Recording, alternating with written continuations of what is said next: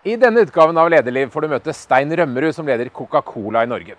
Hver dag sender han ut én million liter drikkevarer til det norske folk. Han er en av de få som har gått fra stillingen som kommunikasjonsdirektør til administrerende direktør, og forteller bl.a. om hvilke fordeler det gir. Stein Rømmerud, har det vært en bra sommer for Coca-Cola? Nei, det har ikke vært en bra sommer for oss. Vi vil gjerne ha sol og vi vil ha varmt vær. Og i år har det vært eh, vått og kaldt. Så det, vi hadde ønska oss en litt varmere og bedre sommer. I fjor var det jo veldig bra, men i år har det vært nedgang. Hvordan er det å være leder i en bedrift der hvor været er en av de viktigste faktorene for å oppnå suksess? da har du gode unnskyldninger når det, når det butter. Nei da, men det er en del av gamet. Så når vi legger eh, både budsjettene våre og planene våre, så planlegger vi med en normal eh, sommer og et normalt vær. Så blir det en oppside i forhold til det, så, så vet man hvorfor. Og blir det en nedside, så er det også en, eh, en god grunn. Hva er de største utfordringene for dere i Coca-Cola fremover? Eh, det er flere, men det er klart hele debatten knyttet til eh, helse, til sukker, til fedme overvekt, det er en viktig problemstilling for alle produsenter av både mat og drikke, også for oss. Så vi setter veldig stort uh, søkelys på det. Vi har jobba mye med utvikling av produkter med færre og ingen kalorier, og det har vi gjort over lang tid. Nå begynner vi å se en, en reell effekt av det. Så den trenden med overgang fra vanlig sukkerholdig drikke til produkter med færre og ingen kalorier, det skjer ganske fort. Og Der eh, må vi selvfølgelig da sørge for å ha en, en god strategi som møter det. Hva gjør du for å drive nordmenn over på ting med mindre kalorier? Ja, det reguleres jo veldig stor grad av både hva du markedsfører, men hvordan du markedsfører det. Og ikke minst hvilken plass i butikkene du gir det. Det vi er opptatt av, er å sørge for at forbrukerne har et reelt valg. Så hvis du kommer til et kjøleskap og skal velge et produkt, så er eh, vårt mål at du skal finne et produkt som passer deg og din livsstil og dine preferanser. Og Derfor er innovasjon og fokus på eh, nylanseringer og nye produkter veldig, veldig viktig. Du har jo en uh, svær gjeng ansatte med opptil 40 forskjellige nasjonaliteter. Hvordan klarer du å samle dem de i forhold til de utfordringene som dere har? Eh, Coca-Cola internasjonalt er jo veldig global. Vi er til stede i alle markeder nå, utenom jeg tror det er Cuba og Nord-Korea som vi ikke er. Ellers er vi stort sett overalt. Så mangfold det er jo ikke noe vi har satsa på eh, konkret, men det har kommet som en naturlig del av det å drive et globalt selskap. Hos oss her på Lørenskog så har vi lenge hatt eh, gode planer for hvordan dette skal håndteres. Eh, når man har ja, opp mot 40 forskjellige nasjonaliteter. Da har du også veldig mange ulike religioner, du har ulike språk, du har ulike kulturer, ulike behov. Det koker jo ned til for det første at man kommuniserer effektivt internt. At man viser respekt for ulikhetene. At man dyrker ulikhetene også. Men samtidig så er det noen spilleregler som gjelder eh, rundt f.eks. politikk eller sensitive temaer. Men også kunne legge til rette. Språktrening har vi gjennomført. Kantinetilpassing. Hvis det er høytider eller faste, så må vi vite hva det innebærer. En leder som har et uh, skift med mange ansatte som er på siste uka i fasten, de uh, har litt mindre trøkk enn det som er vanlig, og da må man tilpasse. Og Enkelte har feriebehov som gjør at de vil samle all ferien sin, reise på en, en pilegrimsreise f.eks. Og da må vi som arbeidsgiver forsøke å legge til rette for det. Så Det dreier seg i stor grad om det. Om respekt, forståelse, lytte og ikke minst dialog. Effektiv, god kommunikasjon internt. Hvor viktig er intern kommunikasjon? Veldig viktig. Mantra som alle kommunikatører jo lever etter, 'if you take care of the inside, the inside will take care of uh, the outside', det gjelder. Uh, det er min erfaring, og det jobber vi mye med hele tiden. Så det å kommunisere på en sånn måte at alle ansatte har den informasjonen de trenger, som er relevant for dem når de trenger det, er veldig viktig. Og så har vi mange kanaler nå med ulike roller for hver enkelt kanal. og Vi har laget en god kanalmatrise, hva slags type budskap som skal ut i hvilke kanaler. Men det, nå med smartphones eh, så ser vi at det åpner for masse gode muligheter. Intranettet er selvfølgelig viktig. Vi bruker eh, alt fra de tradisjonelle oppslagstavlene, eh, allmøtene, den daglige dialogen i avdelingene, til mer fancy online-løsninger. Du er jo blant få administrerende direktører i Norge i større selskaper som kommer fra rollen som kommunikasjonsdirektør. Eh, hvilke fordeler gir det? Jeg tror eh, sterke kommunikasjonsfaglige egenskaper er en styrke som leder uansett. Eh, og det gjelder ikke bare for kommunikasjonsdirektører, men det gjelder egentlig alle typer ledere. Hvis du ser på fellestrekk blant ledere som lykkes, så er det bl.a. at man er god til kommunikasjon. Og Det tror jeg dreier seg i veldig stor grad om å forstå hvordan man påvirker andre. Den stilen man har, hva slags effekt den har. At man er god til å lytte, god til å lese og tilpasser stilen sin til den situasjonen. Og at jeg da kommer fra en kommunikasjonsfaglig bakgrunn til rollen, det er tror jeg, et resultat av hva jeg har jobbet med bevisst, og hvordan jeg har prioritert i ledergruppen her i Coca-Cola gjennom flere år. Men det er også en refleksjon av hvilke utfordringer vi som selskap har akkurat nå. Men Hvorfor tror du det er såpass sjelden at kommunikasjonsdirektøren blir toppleder? Jeg tror at mange kommunikasjonsledere er litt for distansert fra kjernen i virksomheten. De tenker litt for mye innenfor sin boks, og de blir oppfattet som en ekstern eh, støttefunksjon.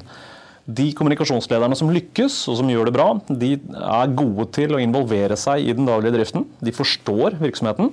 De eh, er villige til å også bevege seg litt utenfor den vanlige, tradisjonelle kommunikasjonsfaglige boksen. Og de blir sett på mer som integrert i det selskapet holder på med. Eh, så jeg tror det beste rådet til kommunikasjonsledere som har ambisjoner, det er å tenke ut av den kommunikasjonsfaglige boksen. Eh, slutte å mase om omdømme hele tiden, men heller rett og slett påvirke fra innsiden av, av virksomheten. Lære seg businessen, forstå språket, forstå regnskapet, forstå hvordan verdiskapning skjer, og påvirke på den måten.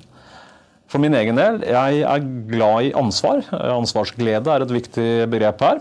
Eh, jeg har mye passion, mye trykk, jeg engasjerer meg og jeg bidrar veldig aktivt i ledergruppa. Det har jeg gjort over tid. Og det har gjort eh, at jeg eh, blir sett på som en Eh, like mye en businessleder som en kommunikasjonsdirektør eh, i tiden før jeg, eh, før jeg, gikk inn i denne rollen. Du sier slutt å mase om omdømme. Mener du at kommunikasjonsdirektøren ikke klarer å formidle viktigheten av omdømmet til de andre i gruppa? Jeg tror de ikke er gode nok til å etterlate et inntrykk av hva hele omdømmeutfordringen faktisk gjør for selskapet. Hvorfor er dette forretningskritisk, og ikke bare sugarcoating på, på oversiden? Hadde kommunikasjonsfolk nådd lenger hvis de var flinkere til å forklare det? Det er jeg helt sikker på. Ikke bare folkene hadde nådd lenger, men jeg tror eh, fagfeltet hadde fått en eh, større betydning. For det er ingen tvil om nå, i 2015, med en så kompleks agenda og så mange kommunikasjonsmuligheter man har, og hvor raskt det er å komme inn i et uføre, så er dette helt forretningskritisk. Nesten uansett hvilken sektor du jobber i. Her har kommunikasjonslederne, tror jeg, en, en jobb å gjøre. Så faget har faktisk en omdømmeutfordring? Faget har en omdømmeutfordring, helt klart. Og vi har uh, brukt altfor mye tid og krefter uh, som fagfolk på interne diskusjoner. Uh, helt uinteressante sidespor. Jeg tror bransjen, byråene, har en viktig jobb å gjøre. og Det er å samle seg og dra i en retning, og ikke minst da etterlate et inntrykk av en, av en helt forretningskritisk fagfunksjon. Og Jeg tror også at utdanningsinstitusjonene, særlig innenfor eh, forretningsforståelse og forretningsledelse, de har en jobb å gjøre for å integrere mer av det kommunikasjonsfaglige i, eh, i pensum. Når du da kommer fra denne siden, har du da noen svakheter som leder som du må kompensere for? Det har jeg. Fordi min styrke er også min svakhet som leder. Jeg kommer jo, som du sa, fra en kommunikasjonsfaglig bakgrunn. og Det betyr jo at der jeg er sterkest, det er der de tradisjonelle lederne er svakest. Eh, nå er jeg veldig generell her, men det betyr også at jeg er avhengig av å ha sterke, kompetente spillere i min ledergruppe innenfor området forretningsforståelse, strategi, finans, disse tradisjonelle områdene. Eh, og jeg har brukt tid nå på å sette sammen en ledergruppe som har komplementære ferdigheter, som Eggen ville ha kalt det, og som utfyller hverandre, og som ikke minst utfyller eh, de hullene jeg har i min kompetanse. Hvordan er det å være kommunikasjonsansvarlig i en ledergruppe hvor lederen selv har vært kommunikasjonsansvarlig? Det tror jeg er ganske krevende, for er det ett fagområde jeg kan veldig godt, så er det, så er det nettopp det. Eh, men min etterfølger han heter Per Hynne, er en veldig kompetent fyr med mange års erfaring. Og vi har jobba så tett sammen i så mange år at han vet hva jeg krever. Eh, men jeg bruker kommunikasjonsdirektøren og hans avdeling relativt aktivt. Både i beslutningene, men også som en aktiv sparringspartner. Eh, og jeg tror jeg vil involvere han på et mye tidligere tidspunkt enn det jeg selv ble i mange tilfeller som kommunikasjonsdirektør. Eh, all erfaring tilsier at det skal være en nærhet mellom kommunikasjonsdirektøren og den daglige lederen. Desto tettere den relasjonen er, desto større mulighet er det for at begge lykkes. Har du noen gode ledertriks eller små hemmeligheter som kan være nyttige for andre som har lyst på en god lederjobb? Jeg tror det viktigste er å finne sin stil, det som er naturlig for seg. Eh, for min egen del, jeg har en delegerende stil. Eh, jeg er ikke veldig inne i detaljene eh, i hver enkelt avdeling, eller følger opp helt ned i hver eneste lille tekniske skrue og mutter som vi, holder på med.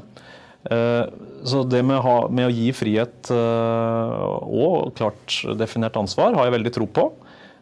Jeg er der for de som rapporterer til meg. Jeg forsøker å være tilgjengelig. Jeg støtter, motiverer. Men jeg er også veldig bevisst på hva slags lederstil jeg velger i de ulike situasjonene. Eh, min erfaring er at hvis man kjører én stil og har én måte å lede på, så vil det være en svakhet. Jeg tror det er viktig å tilpasse lederstilen sin til eh, hva slags situasjon man står oppe i. Om det er da en situasjon som krever et sterkt og tydelig lederskap med klare ansvarsfordelinger innenfor en kort tidsfrist, f.eks. i en krisehåndtering, ja vel, da vil det være en annen, eh, helt annen lederstil enn hvis man skal utvikle en langsiktig strategi i fellesskap i en gruppe, og man har eh, flere måneder å gjøre det på. Hvordan kommer dette brusmarkedet til å se ut i årene fremover? Drikkevaremarkedet i Norge har jo vært i ganske stor endring siden jeg vil si slutten av 90-tallet. 1998 var det året det ble solgt mest sukkerholdig drikke her i landet. og Etter det så har trenden vært veldig tydelig og langsiktig. Den går i favør av sukkerfrie drikker, den går i favør av produkter med færre og ingen kalorier.